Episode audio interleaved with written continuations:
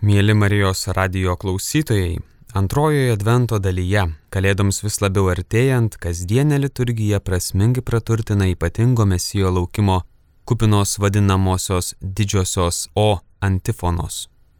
Biblijos slėpinių laidoje seminaristas Martinas Muleronka plačiau supažindina su šiomis iškilmingomis giesmėmis. Adventą sudaro tarytum du atskiri tarpsniai.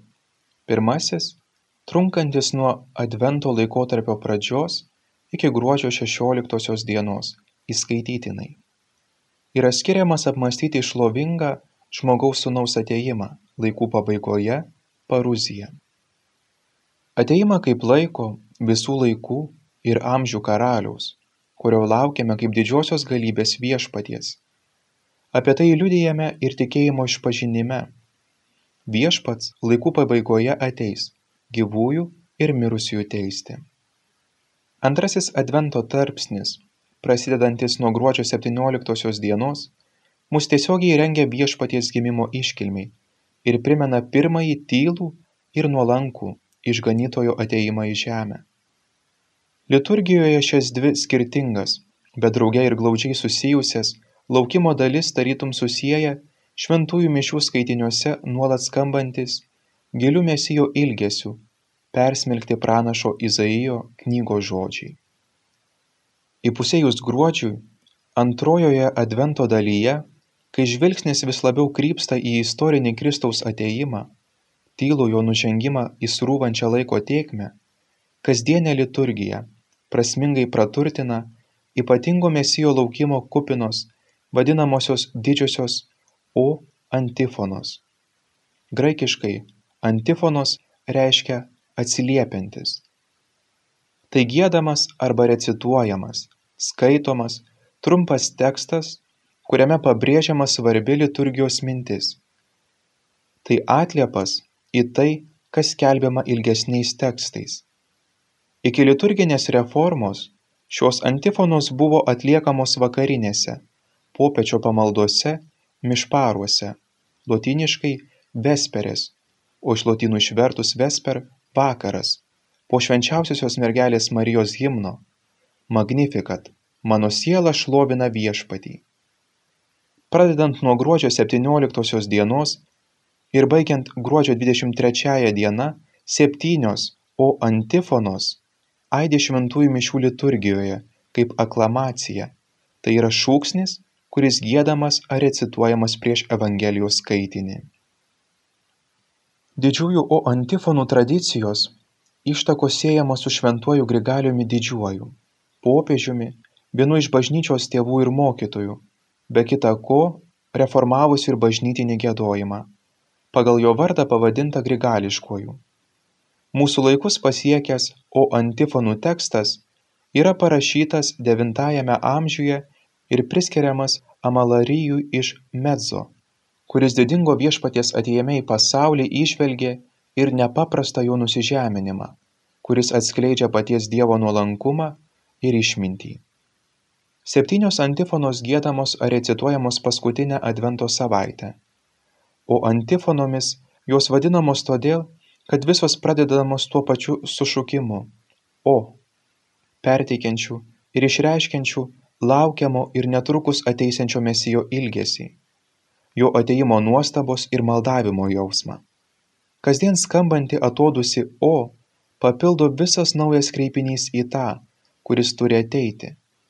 Taip žingsnis po žingsnio artinamasi prie šventosios nakties paslapties. Iš neišmatuojamos ir nepriepiamos amžinybės skubama į varganą Betlėjaus tvartelį.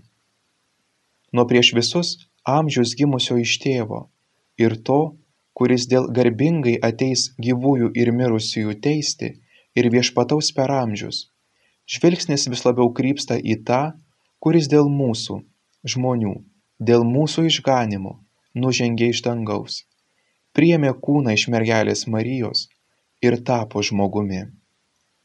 Didžiosios O antifonos pagrystos Senojo testamento knygomis, iš kurių tekstų paimti iškilmingi kreipiniai į ateisiantį išgelbėtoją mesiją o sapienciją o išmintie o adonai o viešpatie o redix ese o jas šaknie, o klevis David, o Dovido raktė, o Orens splendor liucis, o ryto aušra, o Rex Gentium, o tautų karalių. Gruodžio 23 dieną, visai priartėjus šventųjų kalėdų vigilijai, kučioms, suskamba paskutinė didžioji O antifona, O Emanueli. Emanuelis – Dievas su mumis, tas, kuris tapo žmogumi ir gyveno tarp mūsų. Apie tai randame jau ir Naujajame testamente, Evangelijoje pagal Matą, pirmajame skyriuje kaip citata iš Izaijo 8 skyriaus. Tai visų pranašyščių išsipildymas apie Jėzų, Dievą gelbėtoją. Advento tamsoje ir jo ypatingoje šviesoje verta susimastyti apie tai, kaip žmonės ilgesingai laukia susitikimo su Dievu, kaip galingu visato šeimininku, kuris tik vienas gali rasti išeitį. Mirties perėjimo akivaizdoje kadaise buvo gėdama libera, kurioje tarytum aidėjo pirmosios advento dalies šaukinys - gelbėk mane viešpatie. Kai dangui liepsnojant teisi pasaulį. Šiais laikais libera skamba rečiau, bet paprastai, meldžiantis už mirusiuosius, neapseiname be viešpaties angelo. Advento ir kalėdų maldos, kuriuose susipina ir viešpaties gimimo naktį angelų choro paskelbtas jo gimimas iš mergelės Marijos, tapimas žmogumi ir anas gyvųjų ir mirusiųjų laukiamas ateimas laikų pabaigoje. Didžiosios O antifonos.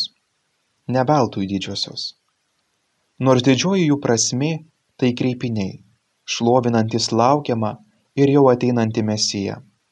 Bet simboliška ir tai, kad lotynų kalba, paėmus pirmasis antifonų raides, pradedant nuo paskutiniosios ir baigiant pirmąją, išeina slaptingas prasmės ir mūsų laukimo išsipildymo kupinas akrostichas. Ero kras. Kažin, kaip geriau persakyti lietuviškai. Galbūt rytoj atvyksiu, o gal veikiau būsiu rytoj. Rytoj. Ir ne tik rytoj. Per visas mūsų gyvenimo dienas. Nes aš esu Emanuelis. Dievas su jumis. Tikrai nepersakysime antifonų prasmės. Geriau nei kadaise tai padarė tėvas jėzuitas Juozas Elijošius. 1900 penkiasdešimt šeštųjų metų gruodžio mėnesio laiškų lietuviams iki pat dutūkstantųjų metų leisto čikagoje o vėliau leidžiamo lietuvoje kaip laiškai bičiuliams. Jėzuitų religinės ir tautinės kultūros mėnesinio žurnale. Galime perskaityti šias mintis apie adventines antifonas. Tamsios advento dienos pilnos ramybės ir išsiilgimo nėra skirtos vien tik prisiminti senovės patriarchų maldoms ir troškimams. Jų maldos jau seniai išklausytos ir troškimai išsipildę. Nereikia užmiršti, kad nors Kristus jau seniai yra atėjęs į šį pasaulį, jo ateimas vis iš naujo pasikartoja, nes apreiškimo knygos žodžiais tariant, jis yra tas, kuris yra, kuris buvo ir kurs ateis. Istorinis Kristaus atėjimas, jo žodžiai ir žingsniai po šį pasaulį yra žmonijos istorijos centras, kuris į save traukia visus laiko ir amžinybės įvykius. Vis dėlto, jei šis istorinis atėjimas nebūtų vykdomas, atbaigiamas ir realizuojamas dvasinių malonės atėjimu pas atskirą žmogų, jo pasirodymas Palestinoje prieš 20 šimtmečių neturėtų prasmės nei tikslo. Kristus atėjo tą palaimintą naktį, kai dangus atsivėrė virš Galilėjos kalnų ir amžinasis žodis nuo savo pakilaus sosto nusileido į žmonių bakūžės. Jis ateis laiko pabaigoj galutinai sutvarkyti mūsų planetos reikalų ir problemų. Jis ateina pas kiekvieną žmogų, kuris jam atveria širdies duris, kuris jo šviesos spinduliams leidžia skverbtis į proto gelmes. Šią trejopą Kristaus laukimo nuotaiką vykusiai išreiškia septynios antifonos, gėdamos mišparuose prieš Magnificat, pradedant gruodžio 17 dieną. Kiekviena šių antifonų prasideda su šukimu arba jausmažodžiu o, kuris vaizdingai išreiškia koncentruotą ilgesio, nuostabos ir maldavimo jausmą. Kas vakarą giedamas vis naujas atodusis, įtampa auga ir didėja. Besiartinant prie kalėdų paslapties rodos lyg žengtume vis naują žingsnį begalinei kelionei iš amžinybės į betliejų. Pirmasis atodusis o išmintie mus mintimi nuneša į tikrąją dievo žodžio tėvynę. Paskutinysis mus priartina prie betliejaus miesto ribų kur mes sveikiname dievą su mumis emanuelį. Pirmoji gruodžio septynioliktosios dienos antifona yra tartum nuausta iš dviejų gana vėlyvų senojo testamento knygų. Ji skamba taip. O sapiencija o išmintie išėjusi iš aukščiausio burnos savo gale siekianti nuo vieno pasaulio krašto iki kito ir meiliai viską tvarkanti ateik mus išmokyti išminties kelio. Pirmoji jos dalis yra paimta iš Siracido knygos. Išėjau iš aukščiausiojo burnos ir tarsi migla apdengiau žemę. Gyvenau dangaus aukštybėse ir mano sostas buvo debesies tulpe. Mūsų senoliai šiuos žodžius iškart atmintų iš ankstyvais, ypač advento, rytais stropiai gėdotų adynų švenčiausiosios mergelės Marijos nekaltojo prasidėjimo valandų. Toji išmintis tai viešpats Kristus, žodis, logos.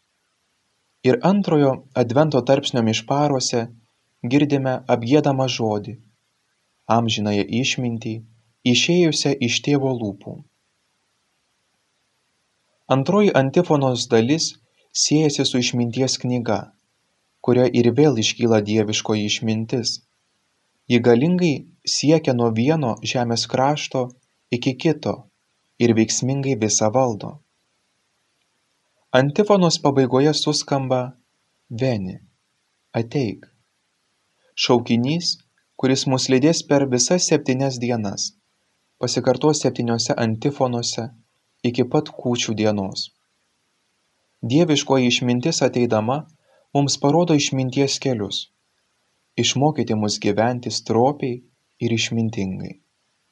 Taigi šioje antifonoje į laukiamą mesiją kreipiamasi kaip į išmintį. Išmintis viena ypatingųjų dievo savybių. Pirmiausia atsiskleidusi pasaulio sukūrime bet ir vėliau besireiškianti dievo apvaizdos būdėjimu prie savo kūrinijos jos valdymu ir vedimu į išganymą. Apie šią antifoną, o išmintie, šventasis Augustinas, bažnyčios tėvas ir vyskupas, miręs 430 metais, rašė Jonas buvo balsas, o viešpats nuo pat pradžių buvo žodis. Jonas tuo kart buvo skambantis balsas, o Kristus nuo pat pradžių buvo amžinasis žodis. Jei atmintum žodį, kasgi tuomet bebūtų balsas? Ten, kur nėra prasmės, esama tik tuščio šurmulio. Balsas be žodžio, tiesa, pasiekia ausį, bet jos nesustiprina. Jei turime stiprinti širdį, atkreipkime dėmesį į dalykų eiliškumą. Jei mastu apie tai, ką turiu pasakyti, žodis jau glūdi mano širdyje. O jeigu noriu prabilti į tave stengiuosi kad ir tavojoje širdyje būtų tai ko esama manojoje. Man šitai beieškant kaipgi tave turėtų pasiekti ir tavo širdyje apsigyventi žodis esantis mano širdyje. Pasitelkiu balsą ir jo dėka prabylu į tave. O balso skambesys perduoda tau žodžio prasme. Balso skambesiui perdavus to žodžio prasmę balsas nutyla. Bet žodis kurį tau perdavė balsas jau yra tavo širdyje bet taip pat nepalieka ir manosios. Taigi ar nemanai kad mano išduotas garsas, kai žodis jau yra įsiskverbęs į tave, sako, jam skirta aukti, o man mažėti. Balsas nuskambėjo įvykdydamas savo uždavinį ir pasitraukė tarytum sakydamas, džiaugte džiaugiasi balsu. Išsaugokime žodį, nepraraskime žodžio, užgimusio širdies gelmėje. Ar tau reikia įrodymų, kad balsas praeina, o Dievo žodis lieka? Kur dabar yra Jono krikštas? Pasiekė savo tikslą ir pasitraukė, o Kristaus krikštas ir dabar teikiamas, nes visi tikime Kristų ir laukiame išganimo Kristuje. Tokia buvo balso prasmė. Tai prašė šventasis Augustinas. Gruodžio 18 dienos antifona byloja. O Adonai et dux domus Izrael. O viešpatie Izraelio namų valdove, kuris pasirodė Mozei liepsnojančio krūmo ugny ir kurs jam davė įstatymą ant Sinajaus kalno, ateik mus atpirkti ištiesta ranka. Šis sakinys mums kelbia apie tai, kad pasaulio kuriejas nepalieka savo kūrinijos, yra nuolatinis ir nepailstantis jos vadovas, painiais ir klaidžiais istorijos keliais, primena išrinktosios tautos Izraelio egzodą išvedimą iš Egipto nelaisvės ir glaudžiai siejasi su išėjimo knygos trečiuoju skyriumi. Viešpats pašaukia Mozę iš liepsnojančio, bet nesudegančio krūmo, apreiškia jam savąjį vardą bei būsimą tautos išlaisvinimą iš vergovės Egipto žemėje. Betgi Mozė sakė Dievui, kai nueisiu pas Izraelitus ir sakysiu jiems, jūsų protėvių Dievas atsiuntė mane pas jūs o jie manęs klaus koks jo vardas? Ką aš jiems pasakysiu? Dievas tarė mozei aš esu kuris esu. Ir tęsė tu taip kalbėsi izraelitams aš esu atsiuntė mane pas jus dievas vėl kalbėjo mozei taip tu kalbėsi izraelitams viešpats jūsų protėvių dievas abraomo dievas izaoko dievas ir jokūbo dievas atsiuntė mane pas jus. Tai bus mano vardas. Per amžius šiuo vardu mane šauksis visos kartos. Lotyniškame antifonos tekste įrašytas adonai tai vienas iš senajame testamente vartojamų viešpaties vardų. Judaizme iki šiol laikomasi nuostatos jog jahvė jis yra tai asmeninis dievo vardas hebrajų garsiai netariamas ir pakeičiamas vardu Adonai – viešpats, kai Adamelek – karalius arba Baal – viešpats valdovas. Žodis namas – namai tiek Senajame, tiek Naujajame testamente turi keletą reikšmių. Be kita ko, tai gali reikšti ir tam tikros šeimos, giminės šaką, kaip antai judo namai sauliaus namai dovydo namai daugelyje šventojo rašto vietų minimi izraelio namai reiškia visą išrinktąją tautą. Žodis vadovas arba vadas senajame testamente vartojamas pranašo izaijo knygoje pabrėžiant kad mesijas yra siųstas ne atskirai giminiai ne vien išrinktai tautai tačiau visai žmonijai. Štai padariau jį liudytojų tautoms, vadu ir tautų valdovu. Ir tu pašauksi tautą, kurios nepažinai, o tautos, kurios tavęs nepažino, bėgs pas tave. Ant Sinajaus kalno viešpats Mozei perduoda dešimt Dievo įsakymų. Ištiestos viešpaties rankos, kaip jo begalybės ženklo vaizdinys, nesikį kartojama Senajame testamente. Antai psalmių knygoje viešpats šlovinamas kaip tas kuris nugalėjo egiptą ir išvedė izraelį iš jų žemės stipria ranka ir galingu petim. Pakartota įstatymo knygoje išrinktosios tautos klausiama ar koks nors dievas kada nors bandė eiti ir pasiimti savo tautą iš kitos tautos rykštėmis ženklais ir stebuklais karu galingai pakelta ranka ir siaubą keliančiais darbais kaip kad viešpats jūsų dievas padarė, tau matant dėl jūsų Egipte. To ištiesta viešpaties ranka turi išvaduoti mus ir iš nuodėmės nelaisvės taip, kaip kadaise išrinktąją tautą išvedė iš Egipto vergovės. Švenčiausiosios mergelės Marijos nekaltojo prasidėjimo valandų priešpietinėje, be kitų kreipinių į Dievo gimdytoją, kreipiamasi. Sveika, stebuklingasis Mozės degas krūme. Kai kada Dievo motina nedegančio krūmo ikonoje vaizduojama liepsnoje, kuri dega, bet jos nepaliečia, tai pabrėžiant, kad nekaltai pradėtosios nepalėtė jokios nuodėmės ugnis. Šiandien liepsnojančio krūmo, iš kurio į Mozę prabilo viešpats, vieta yra atsidūrusi Sinajaus kalno, piligrimų dažnai vadinamo tiesiog Mozės kalnų, papėdėje, ketvirtajame amžiuje įkurto vienuolyno teritorijoje. 324 metais Romos imperatoriaus Konstantino motinos šventosios Elenos nurodymu šioje vietoje pastatyta koplyčia. Piligrimai čionai privalo įeiti basomis kojomis, tokiu būdu primenant išėjimo knygos žodžius. Dievas pašaukė jį iš degančio krūmo. Moze, Moze. Aš čia, atsiliepė tas.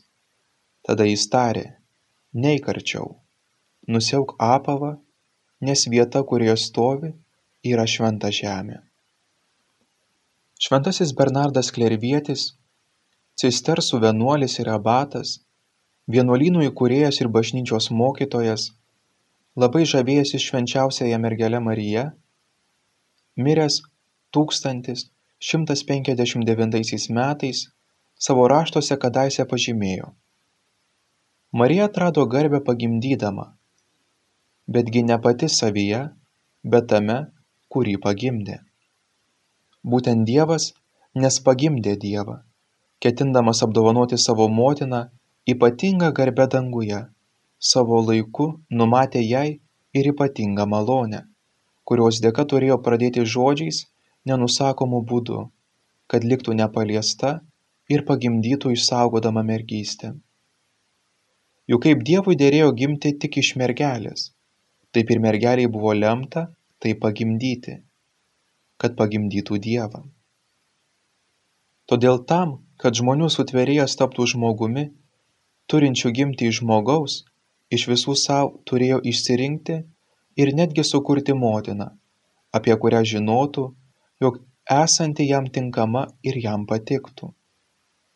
Todėl Dievas panoro turėti motiną mergelę, kad iš nekaltosios gimtų nekaltasis, turintis sunaikinti visų kaltes.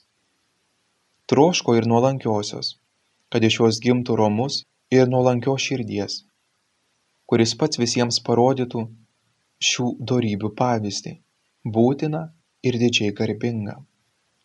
Todėl leido pagimdyti mergelį į tas, kuris iš anksto ją įkvėpė nekaltybės pažadui ir iš anksto suteikė jai teisę į nuopelnus dėl jos nuolankumo.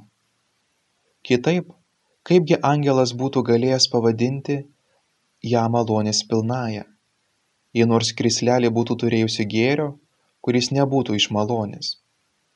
Tam, kad toji, kuri turėjo pradėti ir pagimdyti šventųjų šventąjį, taptų šventa kūnų, gavo mergystės dovaną. Kad būtų šventa ir siela, gavo dargi ir nuolankumo dovaną. XII amžiuje rašė šventasis Bernardas Klervietis, cistersų vienuolis. Gruodžio 19 dienos didžiojoje o antifonoje skelbiama Oradix Jese, o Jese šaknie, tapusi ženklų tautoms, prieš kurį karaliai užčiaup savo burnas, kurį pagonis maldaus, ateik mus išvaduoti, jau nebedelsk.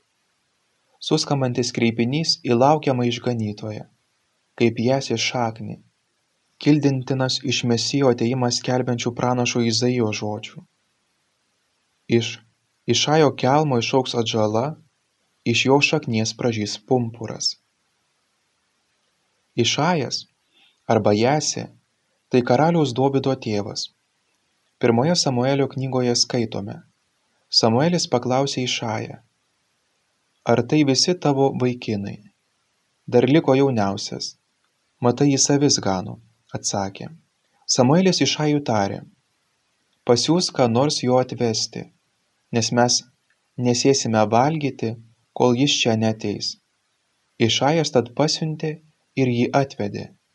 Jis buvo įdegęs saulėje, turėjo žvalias akis ir buvo gražios išvaizdos. Stokis, viešpats tarė, ir patepk jį, nes tai jis. Samuelis paėmęs ragą aliejaus, patepė jį brolio akivaizdoje. Nuo tos dienos viešpaties dvasia galingai užvaldė Dovydą. Skaitome pirmoje Samuelio knygoje 16 skyriuje.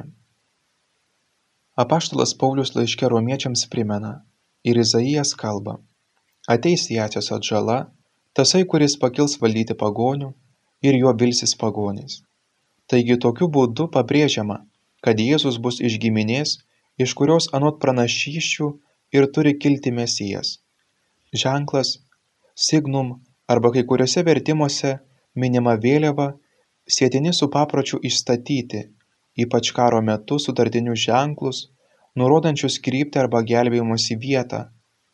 Dažną sykį tokią funkciją atlikdavo karo ženklai.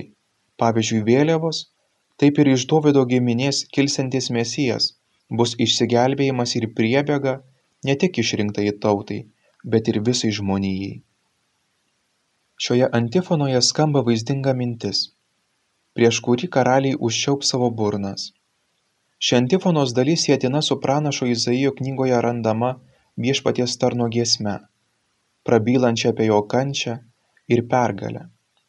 Iš tikrųjų mano tarnui seksis, jis bus aukštai iškeltas ir didžiai išaukštintas. Kaip daugelis jo baisėjosi, jo išvaizda buvo nežmoniškai sudarkyta, o jo pavydalas nebepanašus į žmogų. Taip jis nustebins daugelį tautų, dėl jo karaliai stovės netekę žado. Jie išvys, ko niekad nebuvo jiems apsakyta, suvoks, ko niekad nebuvo girdėję. Skaitome pranašo izaijo knygoje. Karaliai liks nebyliai nes išvys tai kas vaizduojama dievą tampantį žmogumi. Jasės medžio vaizdinys yra glaudžiai susijęs ir su kristaus kryžiaus slėpiniu tikrasis ir teisėtas dievo tautos karalius ir mesijas gimęs iš nekaltosios mergelės marijos yra nukryžiuotasis jėzus kristus kurio titulas nors ir skirtas pajuokai piloto buvo neįtikimai tiksliai įvardintas kaip kaltinimas ant kryžiaus jėzus nazarietis žydų karalius. Antifonos tekste taip pat skambėjo žodžiai kurį pagonis maldaus lotyniškame antifonos tekste pavartotas žodis gentes tautos lotyniškame biblijos tekste vulgatoje dažniausiai ir reiškia pagonis tuos kurie atsivers į viešpatį atsigręš į jį visuose pasaulio kraštuose. Tai jis yra tas kuris turi ateiti kad mus išlaisvintų. Kasdien vis labiau stiprėjantį ilgesį ir artėjančių šventųjų kalėdų nuojautą trečioje o antifonoje tarytum dar labiau sustiprina ypatingo nekantrumo kupinas šūksnis ateik mus išvaduoti jau nebedelsk Mėly Marijos radijo klausytojai, Laidoje apie didžiasias O antifonas kalbėjo seminaristas Martinas Muleronka. Likite su Marijos radiju.